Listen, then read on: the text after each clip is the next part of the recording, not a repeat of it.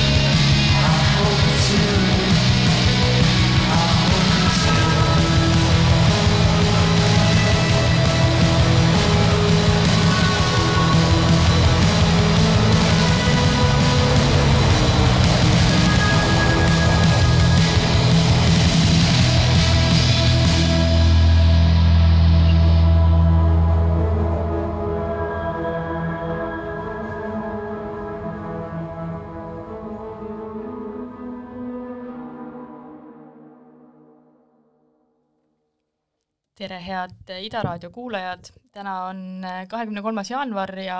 esmaspäev, taas on aeg uue raamatu saateks. mina olen Elisa Johanna Liiv ja minuga on täna saates Andrei Liimets, tere! tere, tere kõigile! ja enne, kui ma Andreilt küsimustega kiusama hakkan, siis mõned reklaamiminutid. nimelt kahekümne esimesel veebruaril toimub Ilja Kaminski Odessa tantsude esitlus, kuhu ma teid palavalt äh, ootan. esitlus toimub Kanuti gildi saalis, äh, täpsed detailid selguvad, aga nii palju võin öelda, et äh, tekste loeb Johannes Sepping ja helitausta eest vastutab Teet Liiv. et kindlasti saab väga, väga tore olema, et pange juba kalendrisse. ja täpselt nädala pärast, kolmekümnendal jaanuaril on Puändi lugemisklubi kell kuus, kolmekümnendal jaanuaril aadressil Müürivahe kolmkümmend ja käsitletavaks äh, teoseks on Olga Tokartšuki Maailma kõige inetum naisterahvas. ja kui äh, selle vastu huvi on, siis äh, täpsema info leiab meie sotsiaalmeediast, Puendi Instagramist ja Facebookist näiteks. nii, aga lähme edasi. minuga on täna Andrei Liimets, kultuurikriitik ja ma tegelikult tahtsingi küsida, et äh, ma olen tähele pannud, et äh, kultuurikriitiku selline tiitel on äh, viimasel ajal sinu kirjatööde juures, et kust see tuli, siis mingi hetk oli minu arust see filmikriitik, aga nüüd su ampluaa on laienenud. No olgu kõigepealt öeldud, et see kultuurikriitika on nagunii äh, selline mm, tublisti üle äärte ajama hakanud hobi aga jaa, filmidest ma kunagi alustasin ja, ja filmidest olen elus kaugelt kõige mm, rohkem kirjutanud ja, ja mõelnud ja, ja rääkinud ja jutustanud, aga aga mida aeg edasi, seda enam on huvi tekkinud ka teiste, teiste kunsti ja kultuuri äh, valdkondade mm, vastu, teatri, muusika, äh, kirjanduse ja, ja sealtkaudu kuidagi on see ampluaa üha enam ka laienenud jah, et, et siit-sealt on, on palutud äh, sõna võtta ka teistel teemadel, teemadel ja, ja seetõttu ma ka olen, olen kuidagi üritanud ennast positsioneerida natukene võib-olla laiemalt siis kui lihtsalt filmi, filmikriitikuna, et, et pigem mind ka ennast äh, huvitavad vähem mingid sellised ähm, hästi kitsad nagu ühe valdkonnasisesed nähtused ja pigem mind huvitab see, mis juhtub seal erinevate valdkondade ja žanrite kokkupuutepunktides, olgu selleks siis, ma ei tea, film ja teater või ka film ja, ja poliitika või kirjandus ja, ja ühiskond, et, et just seal kokkupuutepunktides on minu jaoks, ähm, sünnivad need kõige huvitavamad asjad. sa tõid välja neli erinevat äh, ala äh,, millest sa kirjutad ma panin tähele, et äh, selle aasta kultuuriülevaadetes äh, oli sinu nimi esindatud kõigis, äh, ehk siis sa said igas kategoorias valida oma lemmiku või lemmikud. kuidas see on see juhtunud, et, et sinu, nagu sa ütlesid küll, et, et sul huvi on laiem, aga et, et sa tõesti suudad vabalt kõigist rääkida, kirjutada ja valida oma lemmikuid et kuidas, kuidas see juhtunud on või äh... et äh, sinu häält äh, kuulatakse igas kategoorias, et sind kutsutakse iga kategooria juurde esindama mingit arvamust? No vot ei, ei tea, on jah, kuidagi sel aastal juhtus vist esimest korda jah, et igal teemal ma ise, ise, kui need kutsed järjest tulid, et saada siia oma lemmikud ja saada tänna oma lemmikud, siis mul pigem alati tekib äh, võib-olla, võib-olla enda niisugusest introvertsusest lähtuvalt mingisugune vasturefleks täiesti, et kas ma nüüd jutustan juba liiga palju igal pool või kas mõjub nagu selline, nagu olekski, olekski peigmees igas pulmas ja, ja kadunuke igal matusel, eks ole, et nagu tükiks ise igale, igale poole, aga, aga jah, kuidagi selle ampluaa laienemisega on, on niimoodi, niimoodi sattunud jah, et küsitakse erinevatest, erinevatest valdkondadest äh, neid, äh, neid lemmikuid, aga samas ma ise ka nagu kuidagi ei, ei afišeeriks seda, sest mulle tundub, et, äh, et noh, õnneks või kahjuks tänasel päeval see niisugune kriitiku äh, kriitiku mõju ja soovituste mõju on tegelikult üsna, üsna väike, et ma ka võib-olla püüan, püüan selles mõttes jalad maas hoida, et isegi kui endale tundub, et räägid nagu igal pool ja igal teemal ja, ja, ja kuidagi oled juba üle, üle afišeeritud, siis tegelikult see ilmselt jõuab nii, nii väheste inimesteni, et, et, et õudne. sellel teemal kohe küsides, et kui palju sa ise loed teiste kriitikute tekste? päris palju, ma ikka, kuna ma ka lisaks sellele, et ma ise filmidest näiteks kirjutan, ma ka juhin Eesti Filmiajakirjanike Ühingut, siis ma, siis ma püüan ikkagi kolleegide kirjutatu, öeldu, mõelduga päris laialt kursis olla, et kõik, mis ette, ette juhtub, üritan ma ka läbi lugeda, et üldse omada niisugust pilti, see on nüüd konkreetselt siis filmi spetsiifiliselt. teistes valdkondades võib-olla jõuan natukene vähem, aga kuna ma ka ise kriitikuna tunnen ennast nõrgemana teistes valdkondades või näen palju rohkem neid suundi, kuhu ma ise tahaks äh, areneda ja, ja palju rohkem neid, kellelt ka siis eeskuju äh, võtta, siis ma ka püüan sisse ahmida nii palju, kui ma jõuan ka teatrist ja ja muusikast ja kirjandusest teiste, teiste äh, kirjutatut. see toob mind sellise küsimuseni, mida mulle meeldib küsida ka näiteks proosakirjanikelt või, või lugejatelt, et miks nad loevad või miks nad kirjutavad. miks sa kirjutad kriitikat see on väga hea, hea küsimus. sellele võib-olla kahest otsast saab äh, lähenema hakata, et miks kriitika ja miks ma kirjutan äh,. miks ma kirjutan, on äh, minu jaoks olnud äh, läbi elu selline oma mõtete struktureerimise viis, et mulle meeldibki kirjutada, see ei, see ei puuduta ainult kriitikat, see puudutab ka üldse erinevaid teemasid. Ma olen see inimene, kellele meeldib pikki kirju mõnikord tuttavatega vahetada, mul, mulle meeldib ühiskondlikel teemadel äh, esseesid kirjutada, et see on, see on niisugune enda, niisugune viis enda, enda mõtteid struktureerida seal, kus ma võib-olla ei, ei tunnegi kohe, et, et mõtted oleks kõige selgemad või, või et suusõnaliselt oskaks ennast kohe väljendada, siis on kuidagi mõnusam läbi, läbi kirjutada need, need mõtted ja kui nad kuidagi piisavalt klaariks saavad, siis miks mitte ka teistega, teistega jagada, nagu, nagu kriitik seda ju avaliku kriitika kaudu teeb aga et miks, miks kriitika,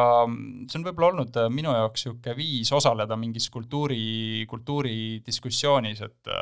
et, et mind üldse, üldse huvitab laiemalt see, kuhu, kuhu kultuur liigub, mis kultuuris toimub ja siin ma ei mõtle nüüd kitsamalt neid, neid valdkondi, millest ähm, juttu on olnud, vaid kõike seda, mis kuidagi mingisuguse niisuguse mm, tunnetusliku nagu ähm, kihina ühiskonda katab, et mis, mis üldse kultuuris ja kõige laiemas mõttes äh, toimub ja ja kuhu me inimestena selles äh, liigume ja kuhu me, kuhu me kuidagi nagu kollektiivselt äh, liigume ja, ja minu jaoks kriitika on olnud siis üks, üks viis selles kuidagi kaasa, kaasa rääkida ja kaardistada neid neid, neid suundi, kontekstualiseerida mingeid nähtusi, kontekstualiseerida konkreetseid teoseid, mis sünnivad selle kultuuriruumi sees, et, et see, seetõttu ma ka kuidagi püüan kriitikat kindlasti mitte käsitleda millegina, kus, kus justkui kriitik ühesuunaliselt midagi ütleb, vaid pigem see võiks olla üks, üks, üks võimalus osaleda jah, sellises nagu laiemas dialoogis sellega seoses mul tuleb kohe meelde sinu üks viimasi kirjutisi, ma arvan, eh, Paide teatrist, kus sa jõudsid nagu järjepidevalt tagasi küsimuse juurde, et mis eh, rolli teater üldse mängib. kas sa oskad praegult niimoodi ette hoiatamata öelda, et on sul mingisugune avastus viimati kirjutades, mis sa tegid Eesti kultuurielu kohta, Eesti ühiskonna kohta ja kas, või kas üldse peaks eh, mõni kultuurinähtus sellise avastuseni hetkel sul nagu viima? no iseenesest seesama, sama tekst ja seesama lavastus, millele sa viitad, ehk siis äh, Paide teatri oaas, üks äh, selline taipamine või äratundmine kindlasti ka oli ja seda ma selles Sirvis ilmunud tekstis ka püüdsin, püüdsin väljendada, et äh, et, ähm, et, et kuidagi see, see lavastus tõstatab üldse sellise küsimuse, et miks me käime teatris, et Eestis käivad paljud inimesed teatris, äh, samas miski, mida ma pidevalt jälle kuulen kuidagi ka kriitikaringkondades ja ka teatriinimestelt äh, endalt, on see, et noh, teatri tase ei, ei ole nii kõrge kui see huvi, äh, huvi justkui teatri, teatri vastu, et, et ikka väga palju pettutakse ja samas ikkagi see justkui ähm, vaatajanumbrid oluliselt ei ei, ei mõjuta ja, ja nagu nõudlikkus ka siis kuidagi jälle kõrgem ei ole või, või midagi seal nagu mingisugune niisugune, niisugune mm, nagu, nagu lühis minu jaoks äh, tekib ja, ja, ja minu jaoks Paide teater seda, seda küsiski, et miks, miks üldse inimene istub teatris, et seda küsimust peaks endalt rohkem küsima, peaks enda jaoks mõtestama, sest see aitab ka mõtestada seda, et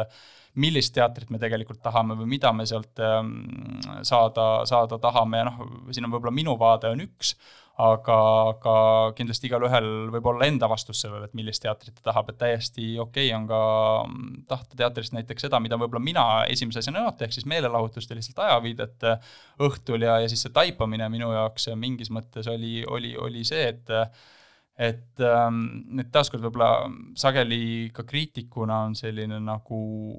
kas vaikimisi tahtmine kuidagi seda ühte nagu funktsiooni anda või ise ka ära sõnastada, et mis see on, mida teater peaks tegema. teatrikriitikud seda päris sageli ütlevad, et noh, neile ei meeldi näiteks publitsistlik teater või et teater peaks mingit niisugust poeetilist tasandit elus avama, et mulle tundub, et, et natuke vägivaldne on äh, suruda ühele nähtusele, valdkonnale peale niisugust ühte asja, mida ta peaks tegema. et neid vastuseid võib tegelikult olla mitmeid äh, ja, ja see see võiks olla ühe, ühe valdkonna või niisuguse elusa kultuuriruumi pigem ähm, tugevus, mitte nõrkus, kui tal neid funktsioone on, on, on erinevaid ja ta pakub erinevatele inimestele äh, erinevaid äh, asju, aga siis mis tasakaalus ta võib-olla neid pakub, see on niisugune, niisugune eraldi äh, diskussiooni küsimus. kuidas sulle tundub, et praegu Paide teater lõpetas oma tegevuse kahe tuhande kahekümne teise aastaga, mõned aastad tagasi oli sama lugu NO üheksakümmend üheksaga, Von Krahli saatus on hetkel lahtine, mis,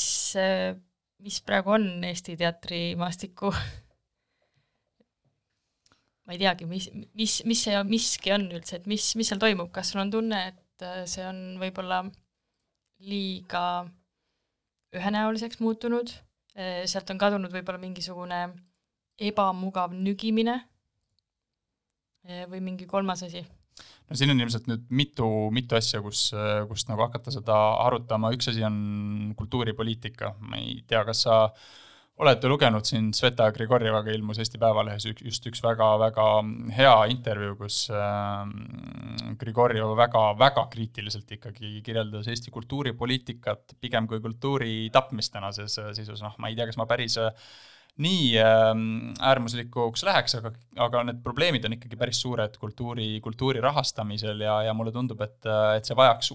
ikkagi selgelt, mida on väga raske sellises kriisiolukorras teha, aga vajaks mõtestamist see, et miks me üldse kultuuri äh, äh, toetame või milleks meile kultuur ja mida see kultuur pakkuma peaks, sest äh, paraku noh, sellega me väikses riigis peame leppima, et et kultuur on, on nagu doteeritud äh, mingis, mingis osas vähemalt äh, maksumaksja, riigi äh, kinni makstud ja kuidas, kuidas ja mis mahus me seda siis teeme või milliseid nähtusi me tahame elus hoida, on, on väga-väga keeruline, aga väga-väga oluline, oluline küsimus. ja täna me näeme seda, et sellised, ähm, eriti sellised väiksemad, avangardsemad, eksperimentaalsemad äh,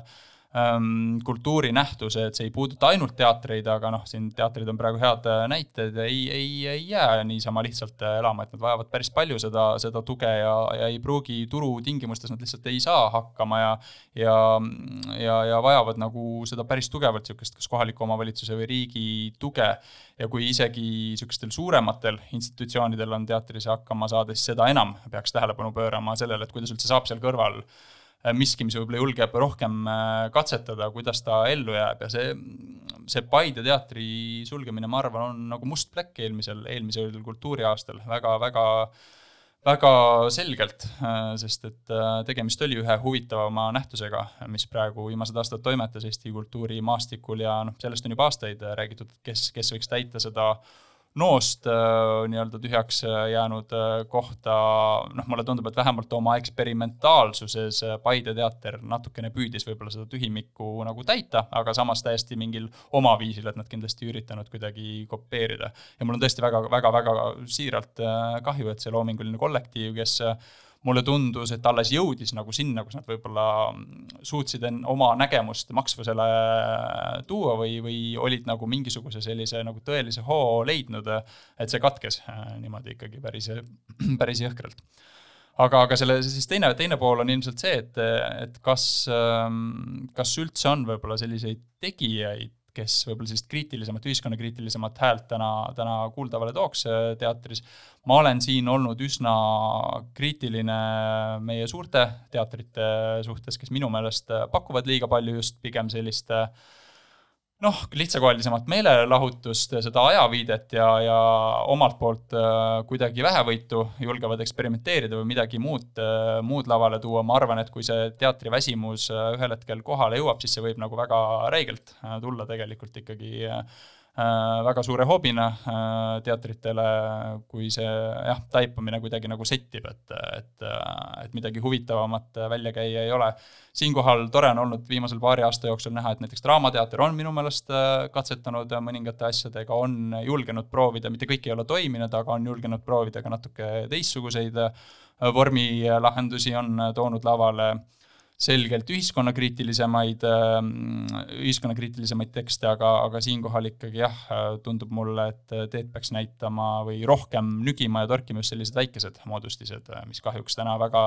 ebakindlates oludes toimetavad ja ma väga loodan, et vähemalt Von Krahl, mis iganes kujul või kus iganes täpselt jääb siis äh, püsima, sest ähm, noh, õigupoolest ju mingis mõttes noo, kui räägitakse sellest noost, äh, ka mina mainisin sinust seda noost tühjaks jäänud kohta, siis mingis, mingis mõttes noo ju tuli Von Krahli kõrvale ja Von Krahl on tegelikult kogu aeg seda rolli sellise avangardistliku teatrina mm, mingis osas vähemalt äh, täitnud ja ma, ja ma loodan väga, et teeb seda ka edaspidi. jah, see äh, Krahli vaimsus tundub, et praegu mingis mõttes elab edasi sellise rühmituse all nagu ekspeditsioon, aga kuna tegu on siis mulle on mulje jäänud projekti teatriga, siis äh, ebakindel äh, või ebakindlus on see õige sõna, mis, mis seda asja kannab. nagu projektipõhisusega ikka mm. -hmm. ja sind kuulates ma mõtlesin sellele, et kuidas see kirjandusse üle kandub, et äh, et kui sa tõid välja Draamateatri ja võib-olla nende katsetused, mida nad on viimasel ajal sisse toonud siis see on umbes midagi sellist, mis on suurtes kirjastustes võib-olla finantsriskile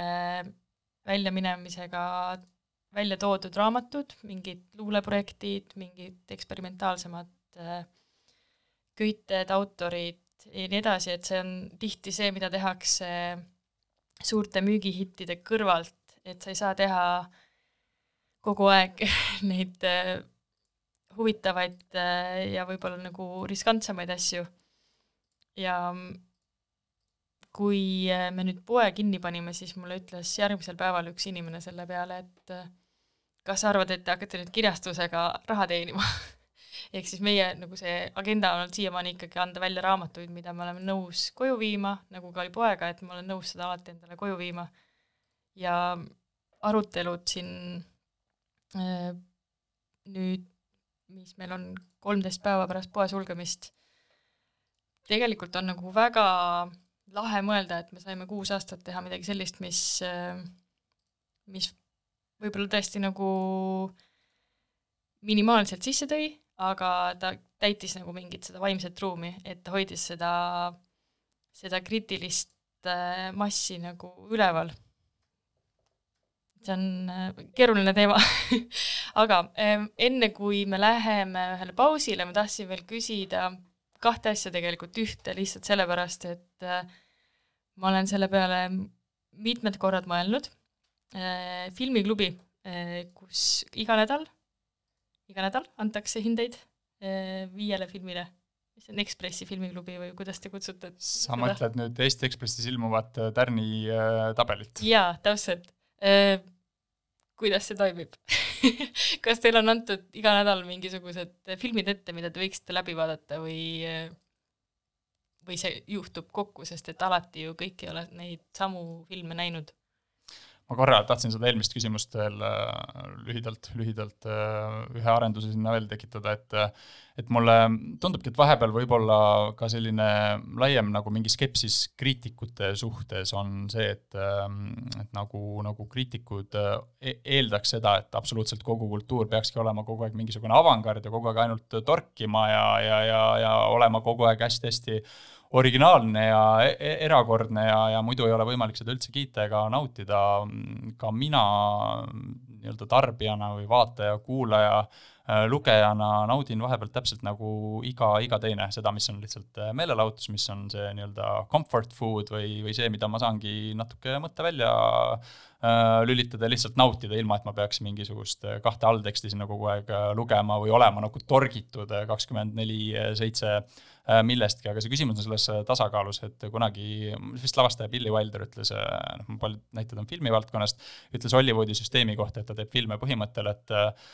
one for them, one for me, et, et ühe filmi, mida nagu stuudio tahab, mis siis tooks nagu raha ja siis ühe, ühe, mida ta saab siis ise selle sisse toodud raha eest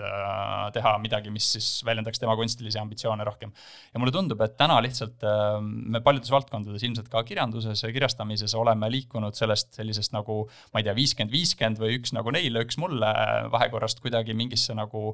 kuidagi ühte äärmusesse ära, et, et noh, kinos ma näen, et on mingi, pigem on nagu neli neile üks mulle või üheksa neile üks, üks mulle, et et üha, üha raskem on neid, ähm, neid keerukamaid asju teha, sest seda nagu riski, riskivalmidust on, on äh, vähem ja, ja paljud äh, valdkonnad kuidagi nagu nendele turu nõudmistele hästi selgelt äh, allutatud ja ja sellest ongi keeruline neid natuke teistsuguseid jaotusmehhanisme välja, välja mõelda, mis lubaks rohkem, rohkem katsetada. Ja, ja see on ka see koht, kus ma ikkagi arvan, et äh, noh, tarbija võiks ka olla nõudlikum, et taas äh, mitte kuidagi minna ühte äärmusesse, et kõik peab olema nagu ainult suur kunst või kõik, või kõik peaks olema meelelahutus, vaid mõlemat on vaja ja siis, kus see tasakaalupunkt on, et ta võiks olla mitte ühes äärmuses nii, aga tulles äh, siis sinu küsimuse juurde, ma siin nagu poliitikuna äh, räägin mitmest eelmisest teemast, äh, millest ma ise tahaks rääkida, aga aga selle Tärni tabeli juures mingit suurt salapära ei ole, et, et korra, korra nädalas saadab toimetaja mm, filmid, mis võiks sinna äh, võiks siis sinna tabelisse jõuda ja mis äh, kinokavas äh, ees, ees ootavad ja siis meie, kes me seal äh, neid tärne jagame, lisaks mulle siis Marja Hindo alla, kellega ma teen ka kinovärgiga mandariini saadet raadio, Raadio kahes ja Kaspar Viilup, ERR-i kultuuriportaali toimetaja, siis me vaatame need filmid ära ja ütleme, mitu, mitu tärni neljast me siis neile anname. millal sa viimati viis tärni andsid mõnele filmile? Seal on äh, neljatärni äh, süsteem ja,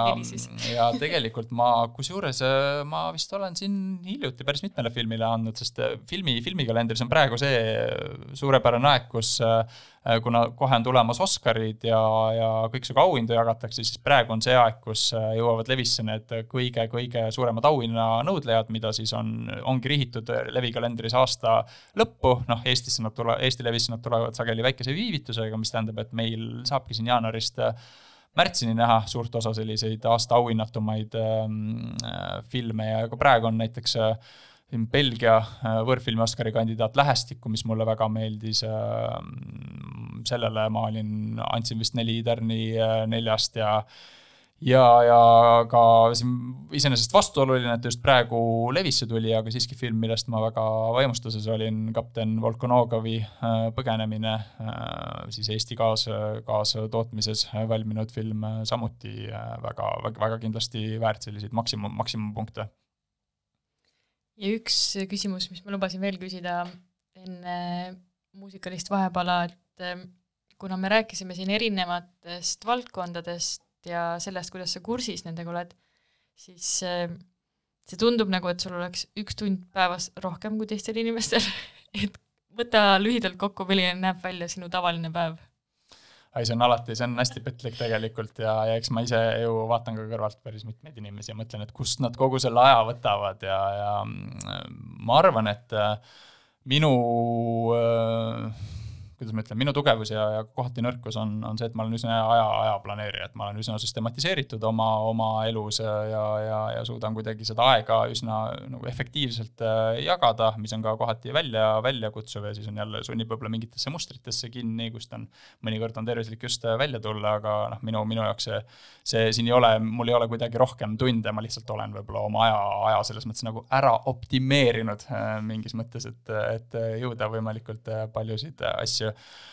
ja, ja selle osa on see, et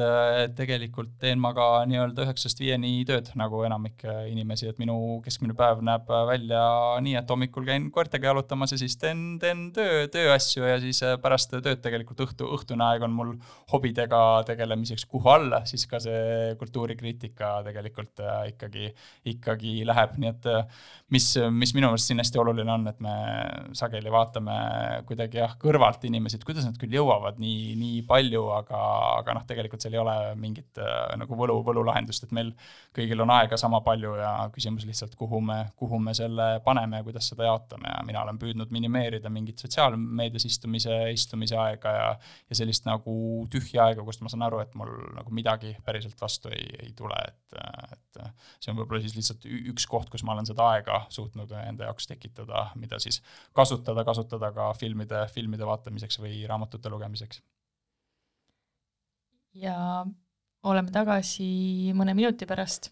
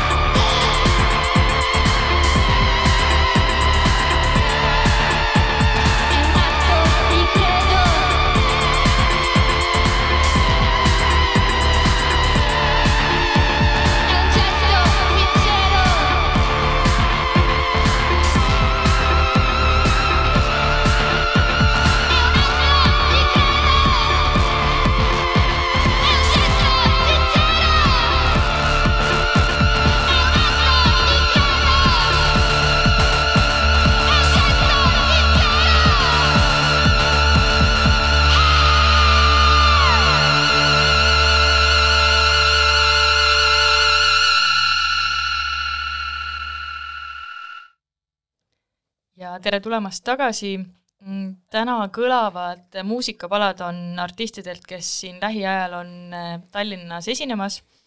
esimene oli A Place to Bury Strangers, kes esineb äh, Sveta baaris kolmandal veebruaril. praegu kõlas äh, Tame Area,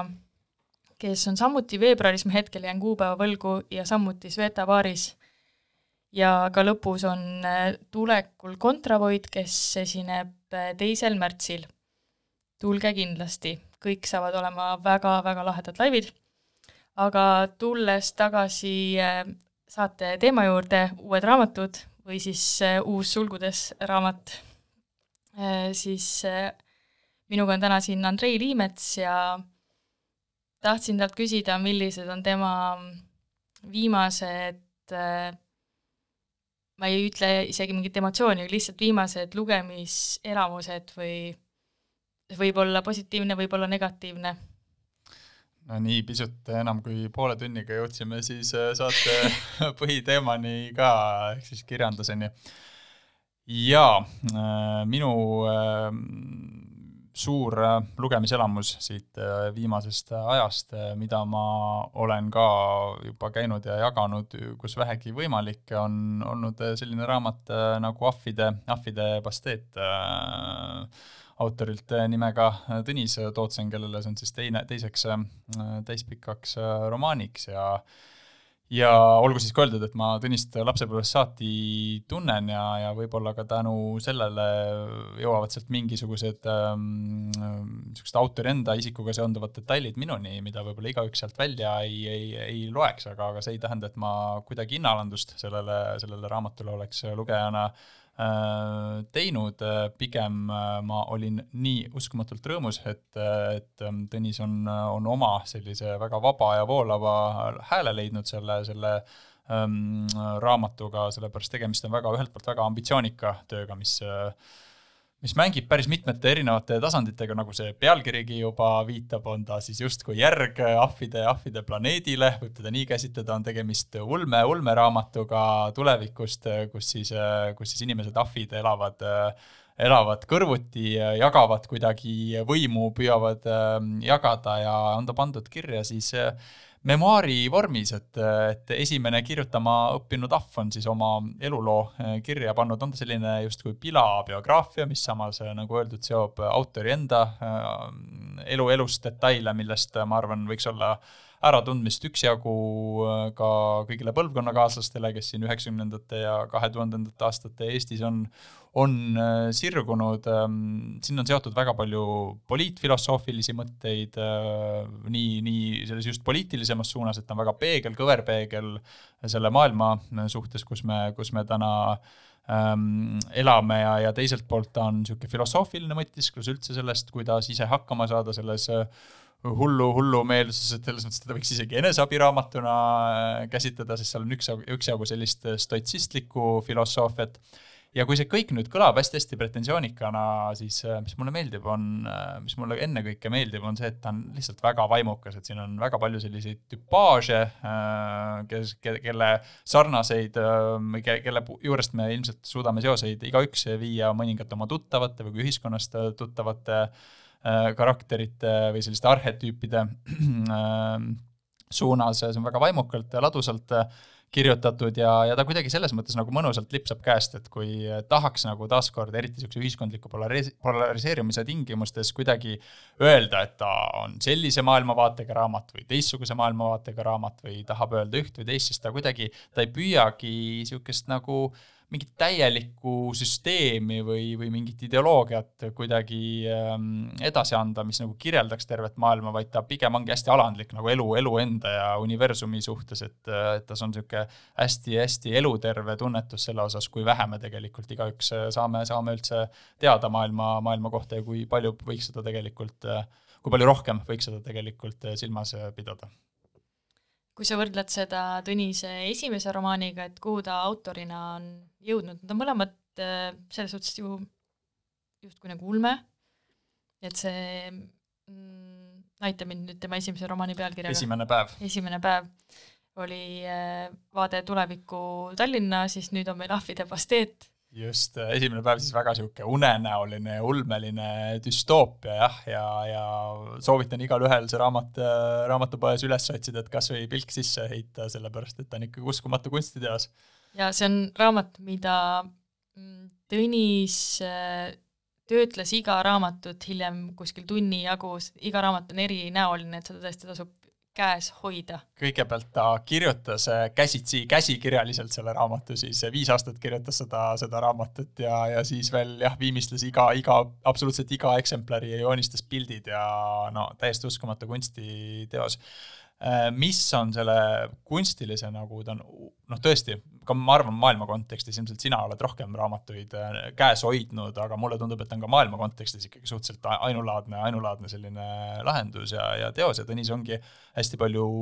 pannud äh, rõhku vormile, ka tema luulekogu uttu oma läbipaistvate lehekülgedega, samamoodi täiesti nagu kunstiteos ka vormiliselt aga, aga mis, ähm, mis siis võib-olla on, on ka mulle natukene tundunud, et võib-olla vahepeal see vorm on natuke seda sisu enda alla isegi matnud, et, et alati selliste pretensioonide ja suurte ambitsioonide hind äh, võib olla see, et, et see kõik läheb nagu juba liiga kuidagi raskeks ja seal on nii palju neid kihte, et ta võib-olla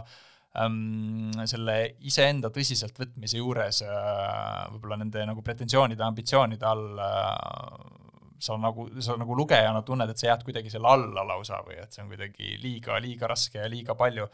ja seejuures ähm, mulle just meeldib, et äh, taaskord tundes, tundes äh, Tõnist pikemat aega siis kuskil teismelistena, ma mäletan, et, äh, et see võrdlus, mis sageli temaga, tema puhul tekkis, oli Andrus Kivirähkiga, et selline, selline muhe, eluterve, tore, kuidagi nagu lõõpiv, lõõpiv stiil, mis ennast väga tõsiselt ei, ei võtnud. Ja mulle tundub, et nüüd vahepeal ta on võib-olla just sellist sisu on sinna nagu üha juurde tekkinud aga nüüd ta enam, kui ta vahepeal, tema stiil läks isegi natuke selliste liiga, liiga võib-olla lugeja jaoks pikkade, aur läks liiga pikkadele sellistele mõttekäikudele, just mingisuguse niisuguse filosoofilise mõtte väga pikalt ja põhjalikult lahti seletamisele, siis nüüd ta ahvide pasteedis ei, ei võta võib-olla ka iseennast enam nii tõsiselt või annab kuidagi lihtsamini ja, ja mängulisemalt neid ideid, ideid edasi ja see on hästi sümpaatne, et see niisugune kivirähklik või isegi vonnekutilik ähm, stiil on sinna hästi tugevalt tagasi tulnud ja selle üle on ainult, ainult hea meel. sa mainisid äh, Tõnise, Tõnis Tootseni luulekogu uttu ja seda vormi, mis võtab justkui üle selle kogu või mis võib juhtuda üldse tema raamatutega, siis selle koguga mul oli täpselt see tunne, et äh, et kuna seal toimus nii palju, siis esiteks seda raamatut äh, sai lugeda väga aeglaselt ja just see mulle isiklikult see väga just meeldis, et see, see sisu avanes mingite täiesti ootamatute külgede alt, et kohati oli, kuna need on äh, läbipaistvatele paberitele või nagu see klassikaline kalkapaberile mm, trükitud, siis ta mängib sellega, et tal on pilt, mis avaneb omakorda pildiks, mis avaneb omakorda tekstiks, võib-olla mõni tekst on mõne pildi sisse ära peidetud ja avaneb, kui sa üldse oskad vaadata. tohutult meeldis see jaa, see on väga-väga vinge. ja isegi, kui mõni tekst äh, järgi tulnud kujundile, siis äh, see teostus äh, andis nii palju andeks sellele. absoluutselt. ja mis ahvide pasteeti puudutab, siis äh, ka siin saates juba me oleme markereid nagu kasutanud, nagu noh, meelelahutus ja kunst, eks ole, et, et see on taaskord üks viis, kuidas kuidagi maailma nagu lahti äh, kirjeldada või tükeldada ja, ja siis me jääme nendesse tükkidesse natukene kinni ja, ja võib-olla püüame kõike nagu klassifitseerida ühe või teise alla, aga vahel, vahel nagu nii mulle tundub võib-olla loojate kui ka siis äh, tarbijatena ähm, ära unustades, et need kaks tegelikult ei pea välistama teineteist, et äh, täpselt nagu noh, Hollywoodi filmis tegelikult see, et ta on meelelahutus, ei pea tähendama, et seal ei ole mitte mingit sisu või et seal ei oleks mitte midagi, mille üle võiks ka järele mõelda või mille osas ta ei võiks natuke provotseerida või midagi koduteele mõtteaineks anda, ähm, siis, siis siin ahvide pasteedist tulevad need pooled nagu väga kenasti niimoodi kokku, et et ta, et ta annab päris palju mõtteainet, aga teda võib täiesti ka lugeda lihtsalt sellise aja, ajaviitena, et ma arvan, et et taaskord, et mina, mina võin siin kirjeldada nagu hästi palju neid kihte, aga, aga ma arvan, et seda raamatut võib ka lugeda niimoodi, et neist kihtidest üldse mitte midagi ei võta, ei võta kaasa ja võib-olla ei, ei, ei nagu tunnegi vajadust võtta, vaid loedki teda lihtsalt ühe, ühe niisuguse meelelahutusliku vaimuka ulme, ulmeromaanina sellisest ühiskonnast, kus siis, kus siis ahvid on, ahvid on kirjutama ja mõtlema, inimese moodi mõtlema õppinud, et et see on, see just see tasa, tasakaal või, või kuidagi haare nende erinevate markerite vahel on, on see, mis, mida ma väga, väga imetlen erinevates, nii, nii siis filmides kui, kui ka kirjanduses kuna ma palusin sul mõelda ka sind enim mõjutanud raamatutele, siis äh, ma küsin selle kohta kohe, et äh, saateaeg otsa ei lõpeks enne. kas sa tooksid välja ühe või mitu teost, mis äh, sind enim on mõjutanud ja, ja ka miks? See oli väga-väga raske ülesanne, ma pean möönma ja, ja kui ma siin enne kirja panin, siis äh, see on ju terve niisuguse elu, elutee nagu kaardistamine, siis hakata lahti mõtlema, et aga mis siis tegelikult, sest mõnel hetkel ma, mulle, mulle tundub, et me võib-olla äh, Äh, mõned asjad, mis meid väga mõjutavad, me saame alles hiljem aru, et nad on meid mõjutanud, et kuskilt mingi, mingid meie tuumarusaamad või ellu suhtumised on kuskilt, kuskilt ähm, tulnud. ja väga raske on määrata niimoodi võib-olla ühte, aga, aga mul on, mul on võib-olla rohkem on mingid autorid, kelle mingisugune mõte, mingisugune mõtteviis või huumor on mind mõjutanud, et äh, niivõrd äh, lihtlabane, kui see vastus ka ei ole, siis näiteks Andrus Kivirähk on, on, on tõesti oma sellise eluterve huumoriga, on, on kindlasti mind mingitel hetkedel väga, väga mõjutanud, oli, oli aeg, kus ma, kus mu jaoks Rehe, Rehepapp oli see nagu kõige kõigem raamat, raamat üldse võib-olla vähemalt sama palju, veelgi enam on Kurt Vonnegut oma, oma mõtte, mõtteviisidelt, viisilt mind, mind mõjutanud ja, ja tema puhul mulle ennekõike meeldib see selline sügav humanism, mis temas on, et kuidagi suutlikkus astuda natukene nagu, nagu kõrvale ja vaadata sellist nagu äh, inim, inimlooma kuidagi nagu kõrvalt ühelt poolt nagu kirjeldades, vaimukalt ja teravmeelselt kirjeldades, aga teisalt mitte hukka, hukka mõistes, vaid, vaid nagu ikkagi mõista, mõista püüdes, miks me sellised oleme ja miks me, miks me teeme neid, nii neid ilusaid kui ka neid koledaid asju, mida, mida me teeme ja, ja noh, kui raamatuna tuua, siis Tapamaja korpus viis kahtlemata oli, oli minu jaoks see raamat, mis kunagi ikkagi pani, pani võib-olla mingid väärtused paika, mida ma üldse otsin äh, kirjandusest ja kultuurist. taaskord see, see mingite kihtide rohkus, et, et see, et miski on traagiline, ei tähenda, et ta ei võiks sealsamas olla ka väga äh, vaimukas või teravmeelne ja et niisugune eluterve ja, ja, ja kuidagi nagu lootusega tulevikku vaatav ei pea olema mingisuguse hästi siirupiselt, vaid, vaid saab ka olla kogu niisugust maailma traagikat äh, Äh, tunnistades. ja, ja kolmas äh, autor ja, ja, ja siis raamat, mille ma siia ritta võiks tuua, on äh, Meister ja Margarita. et mina olin üks nendest, nendest õpilastest, kes koolis kohustuslikku kirjandust noh, Äh, võõristas, et mitte öelda, et vihkas, lugesin nii vähe, kui vähegi äh, võimalik äh, oli ja kindlasti koolil oli ennekõike roll, et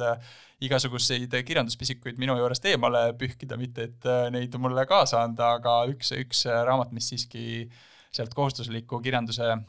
nimekirjast minuga haakis ja haakis niimoodi, et olen ma seda ikka pidevalt üle, üle lugenud ja, ja ei saa kuidagi selle raamatu äh,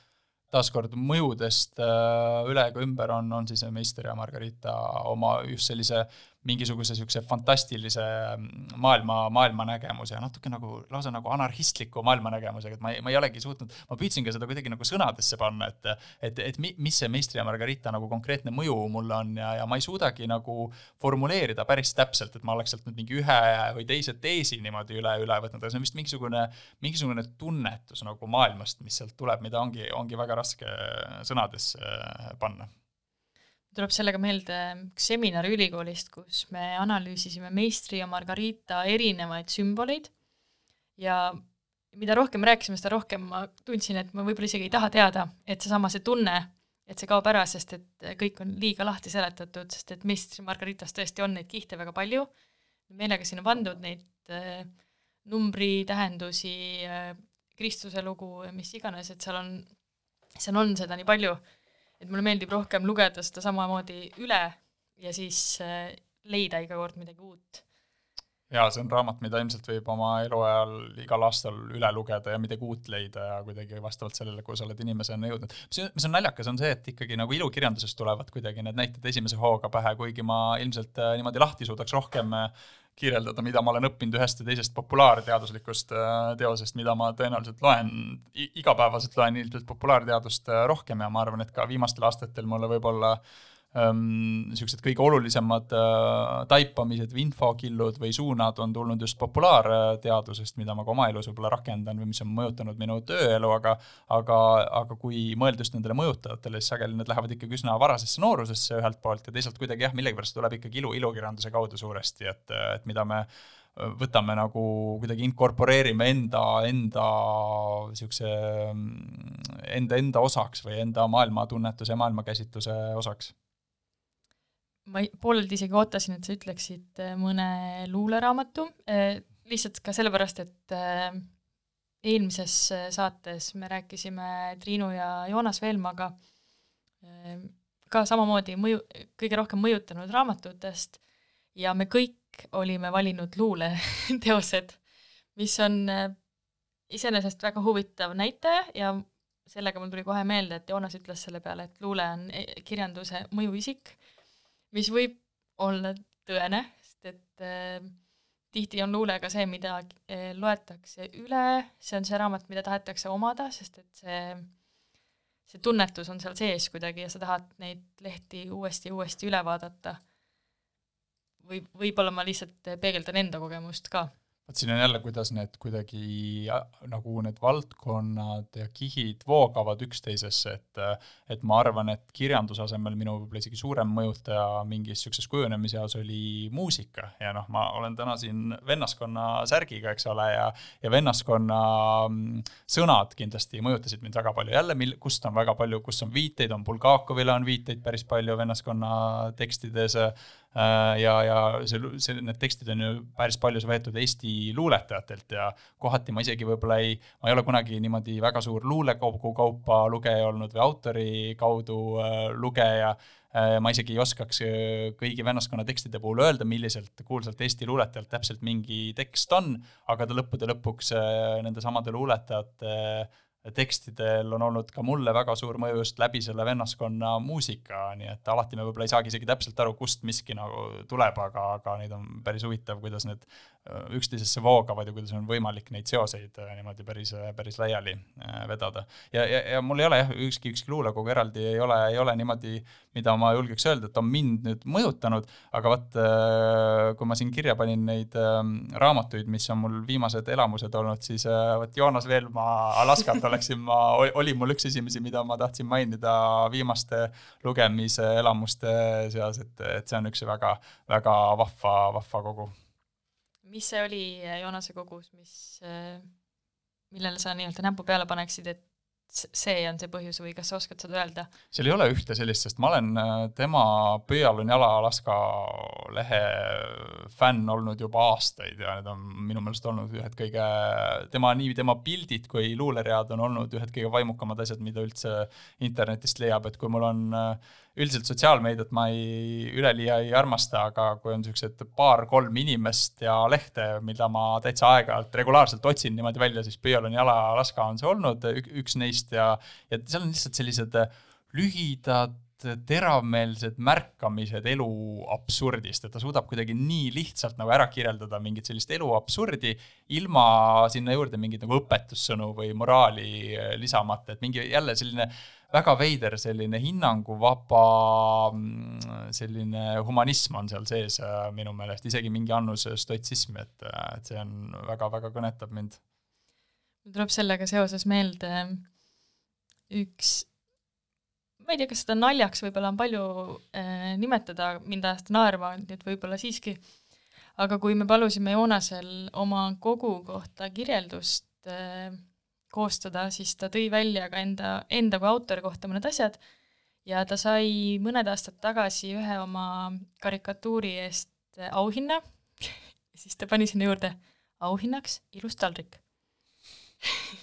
Et need on need mingid sellised väiksed asjad, võib-olla see, mida sa ka mainisid. Et ta lihtsalt toob välja selle absurdi.